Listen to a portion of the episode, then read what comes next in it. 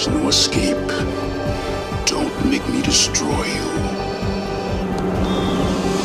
Luke, you do not yet realize your importance. You have only begun to discover your power. Join me, and I will complete your training.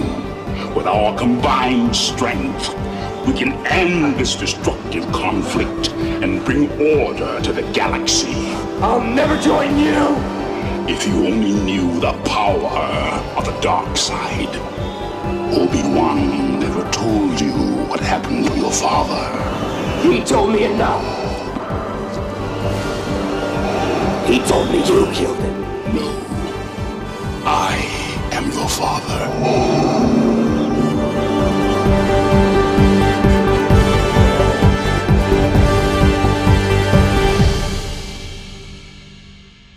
Estamos nunha situación de alerta máxima. Calquera mal paso en falso que veamos, pode significar a desaparición do mundo tal e como coñecemos. En Ucrania, por exemplo, as eh, repúblicas autodeterminanse sin medo a ningún artigo 155. En Madrid, as redaccións dos medios descubren que isto de pescar, como le chaman, é unha cousa dura. E o peor é que na fronte de Génova pode pasar eh, calquera cousa. Posiblemente xa estea pasando e nós nin nos enteramos. Ben, eh, a súa mm, vocación de servicio público, a actualidade está sobrevalorada da revista Luces, vai debullar eh, estas situacións eh, ca xente de sempre. Ana Luisa Buza, moi boa tarde. Hola, que tal? Antón Losada, boa tarde.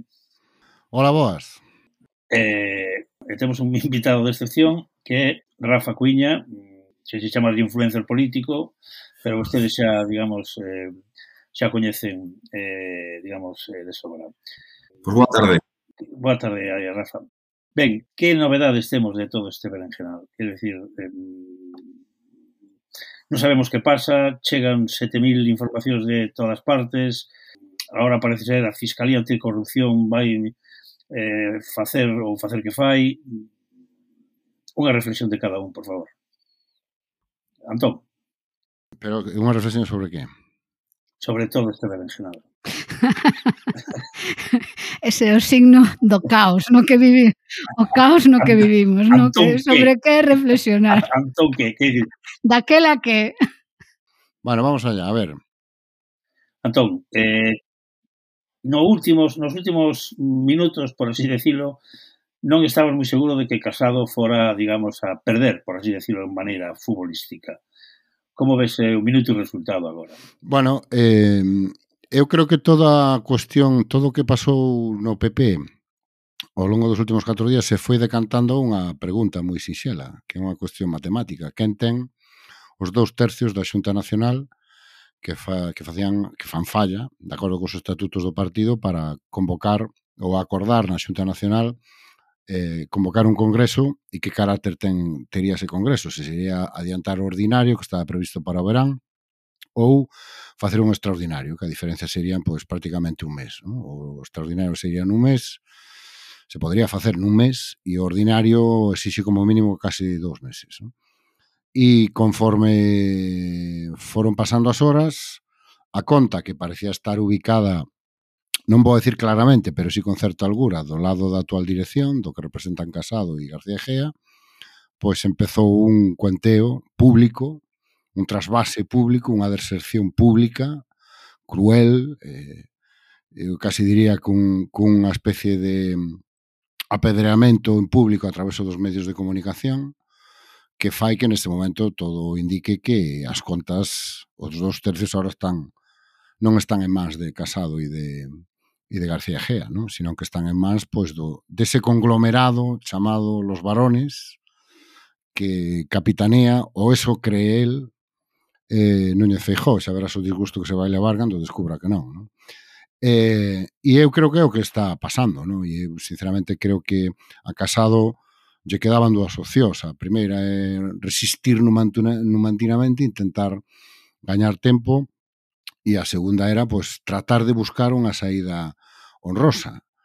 Pero eso que se dice... Hai dous conceptos que están xurdindo que a mí me fa moita gracia. No? O primeiro é necesitamos, como, como dice como dice o noso Alberto, decisiones urgentes, como, e todo o mundo asiente así como se si se operan de que coño está falando, E agora isto que empeza a sair do entorno de casado, ¿no? de que salida digna, que tamén todo o mundo asinte así que a cabeza como se si todo o mundo se opera no que está pasando. ¿no? E, bueno, por xuntar un pouco os dos elementos, a mí sinceramente estaba pensando ahora, é que a dirección do PP e concretamente Casado e García Gea se me empezan a parecer cada vez máis a Ucrania. E empeza a haber moitas similitudes entre o que lle está pasando a Ucrania ao longo destas, destas últimas semanas e, e o que lle está pasando a eles. Non? E me parece que ao nos Alberto se lle está ponendo cara de Putin.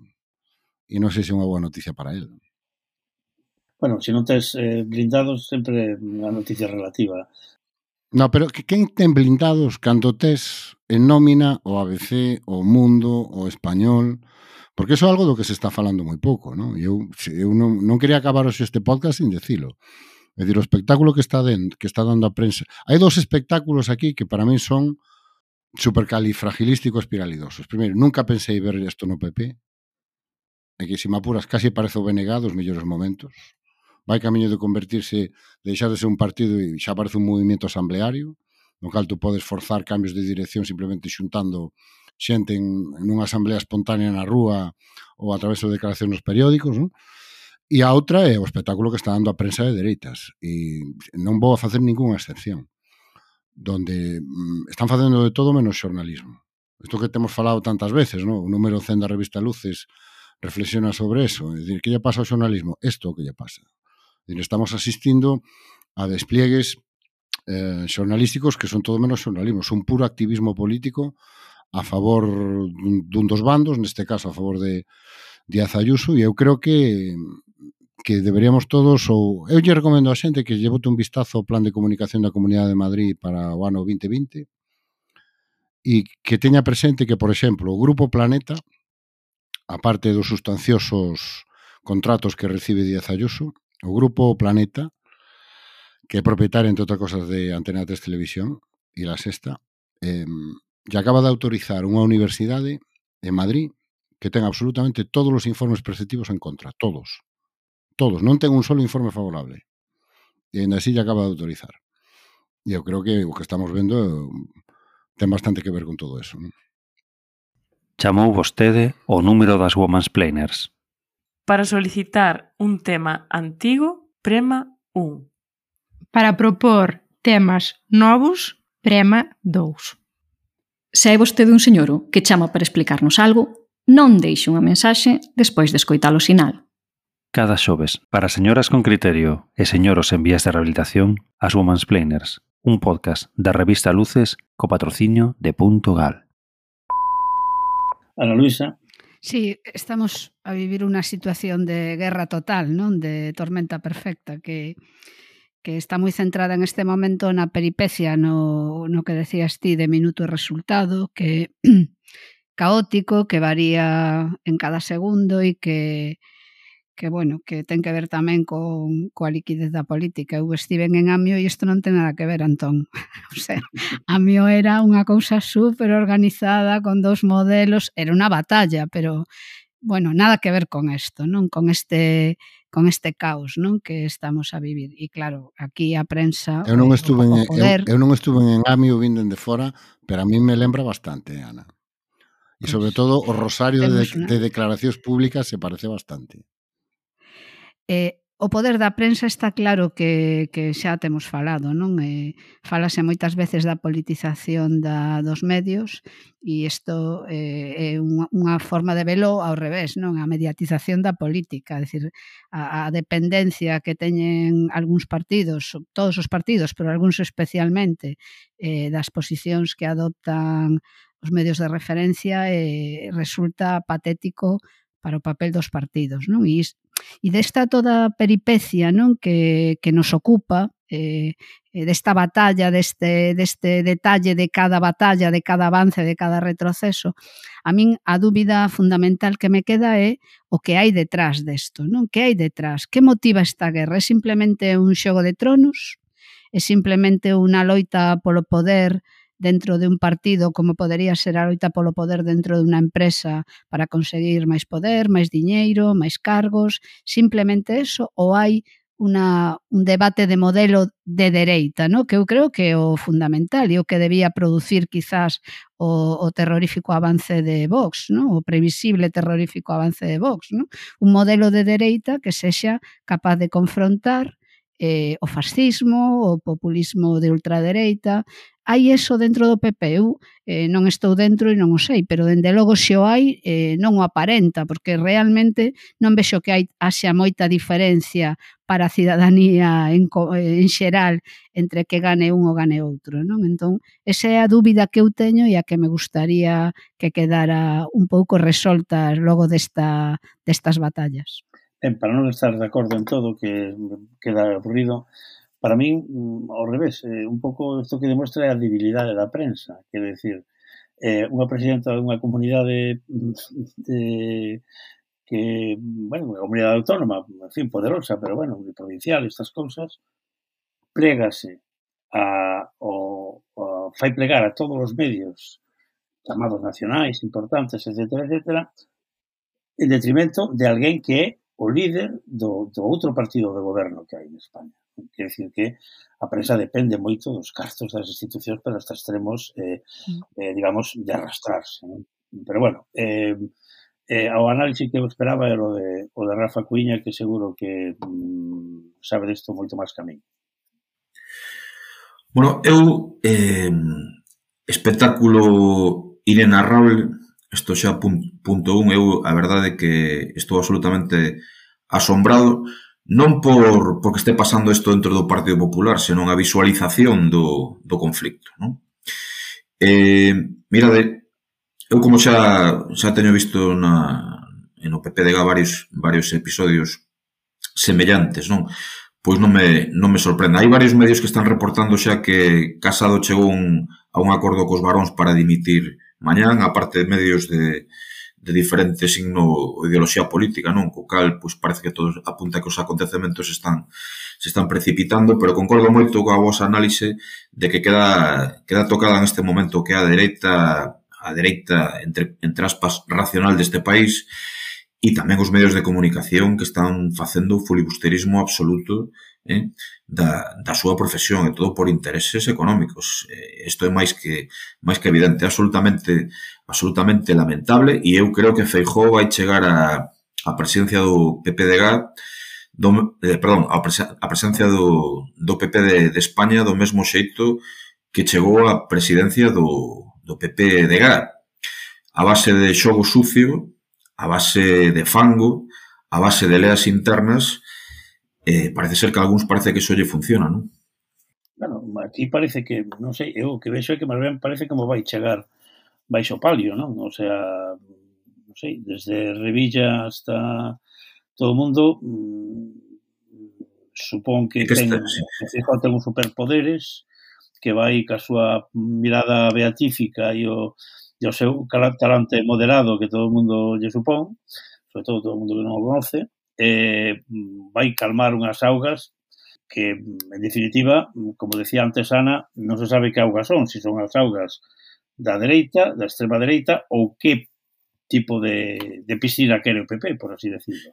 Porque sabes que hai a, o da imaxe, por así decirlo, gallardoniana de, de Fijó en, en Madrid, no resto de España, aquí sabemos perfectísimamente como funciona, pero sí é certo que sí é certo que en Madrid teñen unha imaxe del como se tiñan aquel no seu momento con Alberto Ruiz Gallardón, ¿no? de político moderado, político moderno, pero en realidade o que o que está detrás dele evidentemente pois é un unha dereita rancia apoiada pois dende tempos inmemoriais pois por personaxes, personaxes como Romai Becaría, en menor medida tamén Mariano Rajoy evidentemente pois ven todo dunha ala que ten un concepto da, da dereita bastante clasista con, pois, con respecto ao que se pensa en Madrid de fijo a día de hoxe, non? Quizás a visión que teñen en Madrid do, do PP, eh, o sea, perdón, de Feijó, eh, ten que ver un pouco cos resultados electorais, non? Un pouco ou sí. moito, non? é eh, o modelo a seguir, porque é o modelo que gana as eleccións por maioría absoluta, non? Como si ganar ou perder eleccións tivera que ver eh, coa calidade do líder ou do partido somente e non coa poboación a que se dirixe, non? Como se si a bondade de, de, de, de que non exis, que non exista eh, polo de agora Vox en Galicia teña que ver coa cualidade de liderado de, de Feijó, non? Eu creo que nas, na, no escenario madrileño eh, tal e como está agora, eh, non hai liderado que, que resolva o tema por si sí mesmo, non? Escoitade Malva Duarte falando misterios. Misterios, xente con paus, feito sobre pirámides, zombies, supoño. Más pirámides. Gandalf é un mago, non un, semide un semideus. Mm. Encántame que todo isto empezara con Duarte, el ex de mi mejor amigo. Eh, tamén eres un dos meus besties, tía, agora. Así que non te preocupes. Coma cuñas, coma Coma cuñas xa todo esta peña non vai escoitar o podcast que teño posto, eh. Teño que marchar. Vos pensades, por exemplo, que eh, imagino que calquera líder eh, do PP eh, se xa fijó, se xa alguén que que o fagan, que, que os collan así a palla ou perra, mm, vai ter que eh, establecer unha política eh, con respecto a Vox. Non? E hasta ahora non vin demasiada diferencia entre a política que seguía Casado e a política que seguía eh, Isabel Díaz Ayuso, independientemente das habilidades comunicativas de cada un. Non? Eh, Feijó, pensades que pode mm, establecer outro tipo de, de relación eh, que necesita establecer outro tipo de relación ou ou fará un pouco como sempre de pregunte usted pregúntame lo que quiera que yo responderé lo que me da la gana. Bueno, eu mm, non iría tan rápido eh, con Feijó. E me explico. Eh, eh, eliminar a Casado, eh, digamos, é a primeira, a primeira parte. Eh, e, bueno, e é fácil sumar unha coalición negativa, ¿no? porque entre os que já teñen xurada a él, a García Gea, e os que ven que o barco se afunde e vamos a saltar antes de que se afunda de todo, eh, bueno, pues é relativo, todos sabemos que en, en na vida en xeral e en política é moito máis fácil sumar contra alguén que a favor de alguén. Superado ese, ese escollo, o escollo casado, que eu creo sinceramente que está superado e, e e como, como dices o entorno andan buscando unha saída digna. Bueno, se abre un proceso de, de congreso extraordinario, vamos a asumir que vai ser un congreso extraordinario, donde Feijó xa puxo hoxe unha condición, que é ser el candidato único. Co cal, todo aquel que quera desactivar a Feijó xa sabe o que ten que facer. Que repetir a operación que fixo Casado no 2018, así desactivou a Feijó, tapando o espacio da terceira vía. Segundo, xa hai voces que empezan a reclamar Eh, oxe, por exemplo, en, en ese santuario espiritual que é o programa de Federico Jiménez Los Santos, estaba la suma sacerdotisa Cayetana e ela dixo claramente que la que tenía que ser candidatos Díaz Ayuso.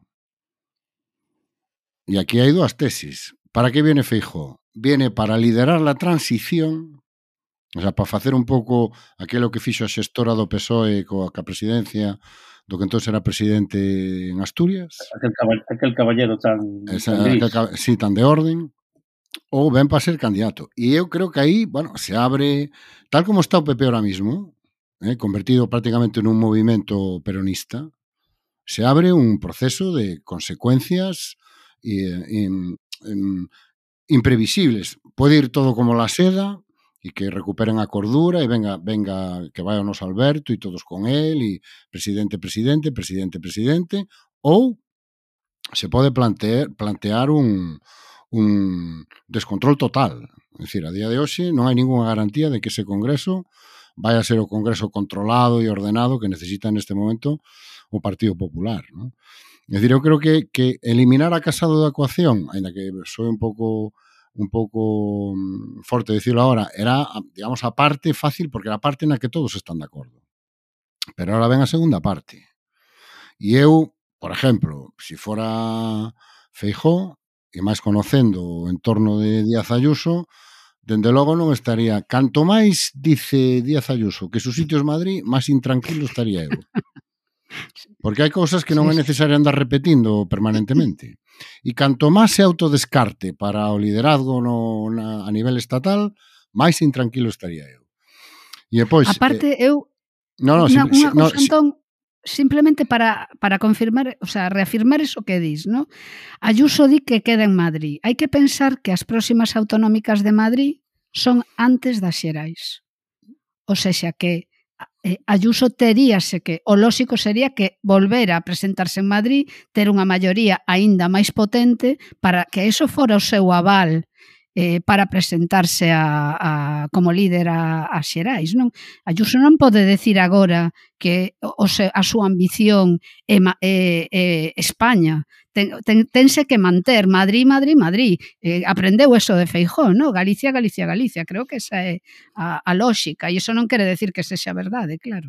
É que, por exemplo, a reunión está que, que entre os varóns territoriais, non? Os presidentes territoriais do partido e Casado eh, ten que decidir, entre outras cosas, cal é a fórmula que pactan. E hai moitas posibilidades encima da mesa. E non todas significan o mismo. É dicir, no Partido Popular eu creo que se abre agora un, un, un territorio ignoto, un territorio completamente descoñecido, donde é un partido que neste momento eh, a xerarquía queda completamente derrumbada. É dicir, é mm, un partido onde quen manda exactamente aquí? E sobre todo, a legitimidade que enchada. Porque hai, hai unha cosa que convinte non olvidar. Aquí o único que ten legitimidade democrática dentro do partido é Pablo Casado. O resto, bueno, teñen a legitimidade que dá para ocupar os cargos que teñen, pero Feijó, eh, o noso Alberto cando fala, nota, exactamente fala a título de que, con que Es decir, o, o que se plantea é, bueno, ¿hacia que modelo de partido va el Partido Popular? Dicir, agora ahora, ¿el liderazgo quién lo decide? ¿La ABC? Quen sigue de secretario xeral? que non vai, que no vai a decidir? ¿Un puñado de manifestantes que se poñan diante da, da sede do partido? Eh, quen vai, que, va, que vamos a ir? A golpe de enquisa? É dicir, eu, eu creo que eh, nin o noso Alberto, Díaz Ayuso sí, porque é exactamente lo que quere. Ese é o modelo de partido que quere Díaz Ayuso. Pero eu creo que nin o noso Alberto nin o resto dos varóns son moi conscientes da porta que están abrindo. E que, oye, igual de fácil elevar 3.000 personas a Génova para protestar contra eh, Casado que leválos dentro de seis, de seis meses para mm, protestar contra Feijo. Os que levaron a esos 3.000 lle vai costar exactamente o mesmo traballo. Bueno, eu creo que Feijó eh, xa ten bastante callo, non? E eh, a verdade é que non creo non creo que dé, dé o paso de marchar para Madrid sen ter todas as claves perfect, perfectísimamente, non? E isto tempo demostrou que en, en ese sentido é bastante bastante hábil. Eu supoño que ten acordado con, con Ayuso precisamente pois ata que punto pode chegar a súa, a súa relación, os acordos que poden ter entre eles, pero dende logo eu creo, non creo que Feijó tome a decisión eh, digamos, suicida de marchar para Madrid sen ter todo absolutamente atado, non? Isto, isto que penso eu, porque senón non entendería ninguén e toda a trayectoria de Feijó durante todos estes anos, pois sería absolutamente incoherente con tomar unha decisión así sen ter todo, insisto, absolutamente atado, non? Sí. Podgalego. Podgalego.agora.gal Oh, ah, eu sabía que era punto. A ver, veña, dicímolo outra vez. Podgalego. Podgalego. Podgalego. Podgalego. Podgalego. Podgalego.agora.gal No, outra vez, outra vez, outra vez que non está, non está grabando agora. Moita xente facendo cousas moi interesantes que está comunicando en galego. podgalego.agora.gal E pensades que posiblemente a, a, a casado mellor eh, digamos, tiña unha certa esperanza de que esperanza, non deixa de ser curioso eso, non? Eh, de que a evolución, digamos, da, da justicia, digamos, do, do eh, pudera darlle, digamos, un balón de oxígeno ou, ou un par deles. Non? Eh, eh, pensades que o, o, a cuestión, digamos, da, da presunta eh, irregularidade ou de tal, eso mm, vai ter algún percorrido mm, judicial. Onte mesmo insistía a subdirectora de La Razón en un, en un debate de televisión sobre esta circunstancia, que Casado quería ganar tempo porque seguramente sairán nos próximos días novos datos a este, a este respecto que un pouco avalíen pois a, digamos, a famosa entrevista xa con Carlos Herrera que tivo na COPE, non? E que foi a súa tumba política dentro do, dentro do Partido Popular. Pois, pois veremos, pero eh, evidentemente ele si, eh, si estaba intentando ganar tempo, non? Bueno, eu, mm, eu creo que é unha é curioso, eu creo que o grande éxito de Ayuso, neste caso de Miguel Ángel Rodríguez, que sin dúbida é o artífice desa estrategia, o grande éxito é que mm, isto non o detona Génova, isto detona a Comunidade de Madrid. E todo isto arranca que a primeira comparecencia a los Carlata Ojara en, en Casé da Comunidade de Trás sin admitir preguntas de Díaz Ayuso denunciando que la están espiando e que son sus compañeros de partido los que siembran dudas sobre su honradez y no sei cantas historias máis. Non? Porque o, o, o, o que decía a rumoroloxía era que o, o do iba a salir, iba a salir, iba a salir. Entón, o que fai Díaz Ayuso de adelantarse e colocar un relato alternativo que es esta historia de deslealtad entre membros de partido, me espían, dudan de mi honradez, yo que tal e que non sei que. E o certo é que conseguiu empoñer ese relato e que, a pesar dos esforzos do presidente do goberno e da portavoz do goberno, que hoxe volvina a escoitar outra vez, de intentar volver a situar na conversación que todo isto arranca porque hai unhas sospeitas de tráfico de influencias, de nepotismo, e de corrupción, bueno, ese é un tema do que ninguén está falando. E, e que se dá, se dá casi como por, por arquivado. E eu creo que é unha das variables que, curiosamente, ningún destos estrategas controla. É dicir, eh, se eu fora o noso Alberto, eu estaría preocupado. Por que? Porque non sabes o que hai aí realmente. Igual non hai nada, pero igual sí hai algo. E no momento que isto xa entra na maquinaria da xustiza e empeza a investigar a Fiscalía, por moito que xa a Fiscalía teña dito que, bueno, non ve indicios de delito. Bueno, os indicios de delito non se ven hasta que se ven. Entón, isto, isto é unha maquinaria que arranca, que ten uns procedementos, que ten uns tempos e que tú non controlas, que está completamente fora do teu control. E eu creo que en este momento unha das grandes incógnitas e unha das variables que poden realmente descontrolar a situación nos próximas, nas próximas semanas e nos próximos meses. Poden pasar dúas cousas, que isto non teña ningún tipo de percorrido penal e nos quedemos pensando que partido tan curioso é el PP donde o que denuncia a corrupción sale apedreado e o que se pode beneficiar dela sale aplaudido. Pero bueno, encaixa bastante ca, ca, con algunhas excepcións encaixa bastante ca tradición histórica do partido. Non? Ou que empecen a pasar cousas e que xurdan máis papeles. E que xurdan... A mí, por exemplo, me resulta asombroso que sea Díaz Ayuso a que diga con esa chulería tan suya, eh, esto es lo que voy a explicar y el resto no lo explico porque no tiene importancia. Oiga, eh, en la democracia existe un principio, que é o principio de accountability, que dicen os ingleses, ¿no? que que non é usted quen decide lo que tiene que explicar, sino que o ento, son todos os demais actores os que deciden o que teñen que explicar. Entonces, mmm, aí hai tres facturas que eu non sei, non me imagino por que poden ser esas tres facturas. Me gustaría coñecer cales son os conceptos, non? O mellor esta empresa eh, que por visto se dedicaba a, a cosas textiles, non? Pois o mellor desplegou unha actividade sanitaria impresionante durante a pandemia, pero en todo caso, eu creo que temos dereito a saber e a conocer de que son esas facturas, non? Parece que hai outras cosas por aí circulando que poderían surdir ou non. A mí me parece o elemento, digamos, do que ninguén ten control e que con moita facilidade se pode descontrolar e pode convertir toda esta operación, esta voladura máis ou menos descontrolada nunha auténtica catástrofe non só para Díaz Ayuso, que eu creo que sale máis tocada do que la pensa, sino para todos os que aproveitaron esta circunstancia para promover o que está pasando no Partido Popular. Esta mañán Ignacio Escolar deixaba caer eh, que que pasaría se si dentro de un par de meses se coñece que en realidade o irmão de Ayuso non cobrou 55.000 euros, sino que sí que cobrou cerca de 300.000, non? Eh, claro, eles foron precisamente, creo que os que os que os primeiros en falar desta desta deste tipo de contrato que meses despois pois aflorou por outros medios tamén, non? Como el Confidencial. Pero, pero é evidente que cando o Ignacio Escolar pois solta isto que o mellor ten, ten máis claves tamén do que pode pasar nas próximas semanas ou nos próximos meses a este respecto. Non?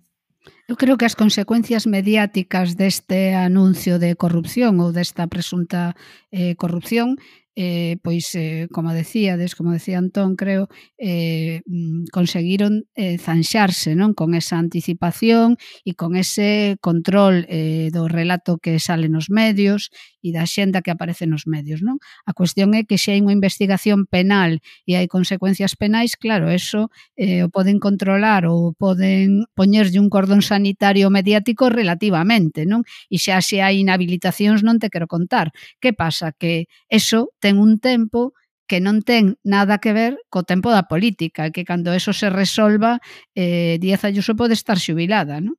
Entón, eh, por outros motivos políticos. O xuicio sí, a, a la, pero que a instrucción non, eh? Ya, solo a instrucción, si, si realmente... Sí, sí, sí, estou de acordo. Ya sí. algo debe haber, porque, por exemplo, e volvo a citar a ese santuario que é o programa de Federico Jiménez Los Santos, o, eh, na entrevista que lle facía Cayetana Álvarez de Toledo, xa empezaban a, a digamos, a, a controlar daños por si acaso e a poñer encima da mesa un relato según o cual Pablo Casado tiña pactado ca Fiscalía controlada polo PSOE que esa investigación fora para adiante. Non? Entón, seguramente nin eles mesmos están moi tranquilos coa, coa situación, non? E aí a cuestión non é tanto, que en eso ten razón Ana Luisa, isto pode estar sentenciado se ao final entra en algún tipo de, de xuicio penal pois dentro de X anos, non? Pero O, o relevante sería que se activara a instrucción, que empezaran a, a, a practicarse probas e que se empezara a chamar a xente a declarar. Que son, xa, xa todos temos bastante experiencia en saber que consecuencias e que desgaste político supón para mm. todos. ¿no? Sí, sí. Claro, e imputacións en pleno período de, de campaña cando, cando hai eleccións madrileñas, claro, evidentemente. ¿no? E municipais. Eleccións en Madrid e municipais. Sí, e cuidadito, porque todo o tempo pedíndolle a Pedro Sánchez que adiante as eleccións, igual chega un momento en que lles fai caso, non? Eu creo que Pedro Sánchez, en cambio, está tendo unha, unha postura moi intelixente, non?